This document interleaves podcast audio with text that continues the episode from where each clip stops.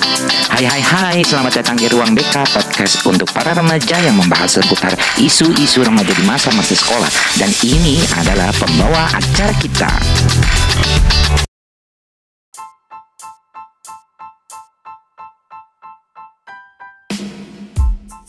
Hai hai hai Akademika, bertemu lagi kita di Ruang BK Podcast Ruang yang membahas isu-isu seputar remaja di masa-masa sekolah. Episode kali ini kita akan menjawab pertanyaan dari salah seorang pendengar Ruang BK Pertanyaannya adalah saya sekarang baru naik kelas 12 Apa yang harus saya lakukan dan jangan dilakukan Agar setelah lulus SMA nanti saya bisa kuliah di PTN Well teman-teman Akademika pertanyaan ini gampang-gampang susah. Ya karena kenapa? Karena semua sebenarnya balik pada diri sendiri. Dan terkadang kita nggak bisa tebak juga besok akan terjadi apa pada diri kita. Namun, yang perlu teman-teman ingat adalah bahwa kejadian hari ini dan besok adalah akibat dari tangan kita sendiri. Jadi sekarang tangan kita ini mau bergerak ke arah mana? Nah, untuk menjawab pertanyaan di atas, ya pertanyaan tadi, kita mulai dengan apa yang harus teman-teman lakukan. Pertama, temukan jurusan yang teman-teman inginkan. Teman-teman akademika dapat mengikuti tes minat bakat untuk mengetahuinya. Tapi ingat, yang benar-benar dilakukan oleh psikolog. Jangan pakai tes online gratis atau yang bukan dari psikolog. Karena tes-tes online gratis itu belum teruji kebenarannya. Jika teman-teman nggak punya uang untuk tes minat bakat, nah coba ya kita pakai introspeksi diri aja kita. Introspeksi diri kita masing-masing ya. Dengan mempertimbangkan apa? Pertama adalah kebiasaan yang teman-teman sering lakukan Nah, perhatikan kebiasaan kalian hingga hal-hal yang sepele sekalipun. Dan yang kedua, pertimbangan perkembangan nilai di sekolah. Mana nih yang paling tinggi, yang paling sulit, yang menurut teman-teman gak suka, yang teman-teman paling suka gitu ya. Kadang-kadang ada yang kita suka, tapi sebenarnya kita nggak suka. Ya, itu semua kedeteksi. Tapi ingat, nilai yang kita dapat itu benar-benar nilai pure usaha kita. Ya, bukan nilai berdasarkan hasil contekan atau nilai mendapatkan kisi-kisi atau bocoran soal. Jangan ya, tapi benar-benar itu adalah nilai kita. Nah, itulah yang yang kita pakai. Oke. Kedua, tentukan tiga universitas sesuai dengan jurusan yang teman-teman sudah tentukan di atas. Jangan ikut-ikutan teman dalam memilih universitas dan jangan pula memilih universitas karena universitas itu terkenal. Tapi pilih universitas berdasarkan jurusan kalian yang sudah kalian tentukan. Mungkin universitas itu terkenal tetapi jurusannya nggak ada. Mungkin bisa juga universitas itu nggak terkenal tapi justru jurusan di situ top ya. Nah pastikan jurusan yang kita pilih di universitas itu benar-benar lebih menekankan praktek di lapangan dibandingkan teori. Karena ke depannya nanti ketika lulus pekerjaan akan menanti teman-teman yang lebih mahir ya di praktek dibandingin cuma teori atau bahkan nilai yang tinggi.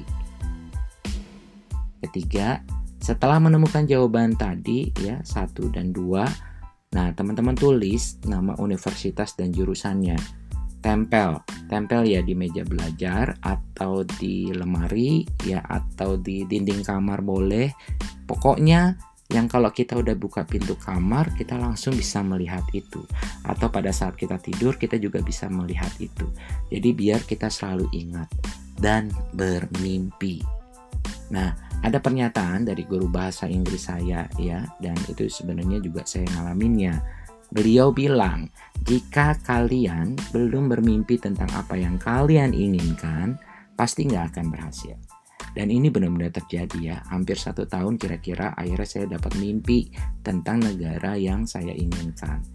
So, tempel terus, tengok terus nama universitas universitas itu dan jurusan yang sudah kita tentukan.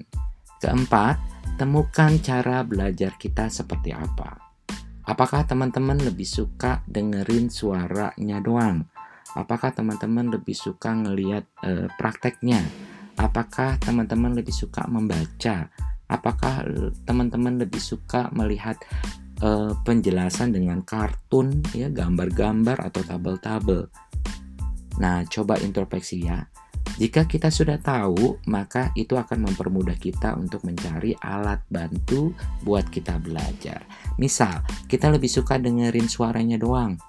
Nah, teman-teman bisa pakai podcast atau YouTube atau rekaman guru di kelas.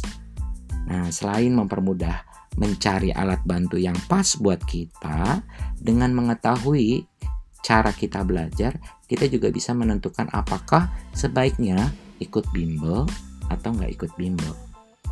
Dan perlu teman-teman ingat bahwa bimbel itu hanya membantu orang-orang yang nggak bisa fokus belajar. Tetapi tidak membantu orang-orang yang sulit belajar karena perbedaan metode belajarnya. Kelima, setelah menemukan cara belajar yang sesuai dengan diri kita, baru buat jadwal seketat mungkin. Atur jadwal mulai dari sebelum berangkat sekolah sampai setelah sekolah. Biasakan sebelum berangkat sekolah kita belajar, setidak-tidaknya 2 jam. Gunakan waktu 2 jam ini untuk mempelajari apa yang akan dipelajari di kelas hari ini, gitu ya. Nah, di sekolah pastikan kita fokus pada pelajaran yang diajarkan oleh guru waktu yang dua jam tadi sebelum kita berangkat itu berguna banget untuk mempercepat memahami penjelasan dari guru saat di kelas. Nah, bagi teman-teman yang suka sama audio gitu ya, belajar pakai audio, minta izin ke guru untuk merekam suara. Oke, dan sepulang sekolah, sediakan waktu sekitar 3 jam untuk belajar SBMPTN atau soal-soal ujian masuk perguruan tinggi kedinasan. Nah, latihan soal dan menghafal materi berdasarkan latihan soal. Waktu yang pas sebenarnya itu paling enak setelah maghrib. Jika kita ada tugas sekolah, pastikan tugas tersebut sudah selesai dikerjakan sebelum maghrib. Dan jika kita mengikuti bimbel, ya, pastikan setelah bimbel dan tugas sekolah selesai, baru kita pakai slot 3 jam untuk belajar soal-soal tadi. Keenam, terus konsisten dan jangan lupa berdoa dan berserah diri pada Tuhan. Ini kunci yang menentukan segalanya. Jika kita abai, pasti apa yang sudah kita kerjakan tadi di atas ya, itu akan jadi sia-sia. Ketujuh, pastikan istirahat yang cukup. Ada penelitian yang mengatakan bahwa siswa dalam dua setengah jam belajar itu ilmu yang nempel di otak kita itu cuma 10% doang. Jadi jangan dipaksakan belajar secara mati-matian atau sistem kebut semalam karena cuma 10% doang yang bakalan kita ingat. Lebih baik dicicil dan sering mengistirahatkan otak. Pada saat libur misalnya Sabtu Minggu atau libur nasional ya, jangan digunakan untuk belajar. Gunakan untuk berinteraksi dengan sesama manusia seperti dengan keluarga atau teman sepermainan. Ini juga membantu kita untuk merelaksasi otak kita tapi ingat, jangan terlena dengan nikmatnya liburan. Nah, itulah hal-hal yang harus teman-teman lakukan untuk mempersiapkan diri mendapatkan PTN yang sesuai keinginan kalian. Dan sementara, untuk yang nggak boleh kalian lakukan adalah pertama, jangan pernah ikut-ikutan teman dalam memilih jurusan dan universitas. Lakukan sesuai dengan kemampuan minat bakat dan kemampuan diri teman-teman. Fokuslah pada diri sendiri. Kedua, jangan minder ketika melihat teman lolos SNMPTN. Cuekin aja, tetap fokus pada diri sendiri. Ketiga, untuk memastikan jadwal belajar berjalan dengan lancar, stop kegiatan di luar sekolah, stop ikutan eskul. Ya, larikan waktu yang luang untuk belajar Nah, kalau teman-teman suka ikut pengajian, ini jangan dilewatin. Sesuaikan jadwal belajar teman-teman dengan jadwal pengajian. Keempat, hindari pertemanan yang negatif. Dan nggak usah dulu deh ya main geng-gengan. Udah bukan saatnya lagi main geng-gengan. Lebih baik fokus kepada yang membawa kalian tetap pada jalur belajar kalian. Cari temen yang sama-sama mendukung tujuan awal kita. Bukan untuk nonton ya, bukan untuk seneng-seneng, mejeng, ngopi-ngopi nggak jelas, atau bahkan ngegimbah, ya, atau bahkan ngikutin Citayam Fashion Week. Ya, ingat, meja belajar numpuk dengan jadwal yang ketat. Kelima, sebaiknya hindari pacaran. Tapi jika teman-teman memang sudah punya pacar ya dan serius gitu ceritanya, cilah bilang ke pacar kalau kita sudah buat schedule belajar begini-begini. Jadi waktu kita akan terbatas cuma di hari ini dan hari itu. Ya, sehingga dampaknya apa? Komunikasi kita akan sedikit jarang-jarang. Nah, jika dia pacar yang memang benar-benar mendukung, ya udah pasti dia akan mendukung dan salut ya. Tapi jika nantinya di jalan tiba-tiba dia manggut-manggut aja awalnya, kemudian dia selingkuh gitu ya. Eh, lupakan saya ya, lupakan aja biarkan aja dan fokus pada tujuan awal kita. Dan bagi yang belum punya pacar, jangan dulu pacaran deh ya di waktu-waktu perjuangan terberat ini. Fokus pada impian kita dulu. Keenam, stop main HP, games, dan sosmed. Meskipun ada beberapa sosmed yang mungkin membantu kita untuk belajar, tapi jangan digunakan pada saat jam belajar. Misal, kita punya waktu libur di Sabtu dan Minggu, gunakan hanya di waktu libur saja setelah libur selesai ya matikan HP-nya kembali. Kalau teman-teman menggunakan media belajarnya podcast gitu ya, oke okay lah mungkin nggak apa-apa. Tapi ingat hanya untuk podcast aja. Kalau lewat YouTube media belajarnya teman-teman ya gunakan komputer aja, jangan pakai HP.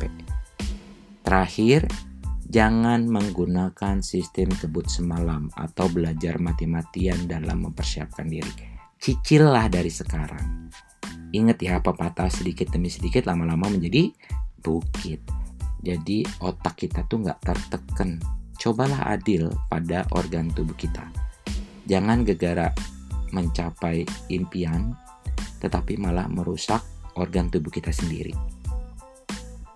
Nah, itulah jawaban buat pertanyaan apa yang harus saya lakukan dan jangan dilakukan agar setelah lulus SMA nanti bisa kuliah di PTN. Semoga penjelasan tadi dapat membantu teman-teman akademika dalam mempersiapkan diri mencapai impian teman-teman. Oke, teman-teman akademika, selamat mempersiapkan diri. Teruslah berdoa dan ingat sama Tuhan. Jadilah orang yang konsisten, berlaku adillah sama organ tubuh kalian. Semoga berhasil. Sampai jumpa di episode berikutnya, dan salam akademika. Bye.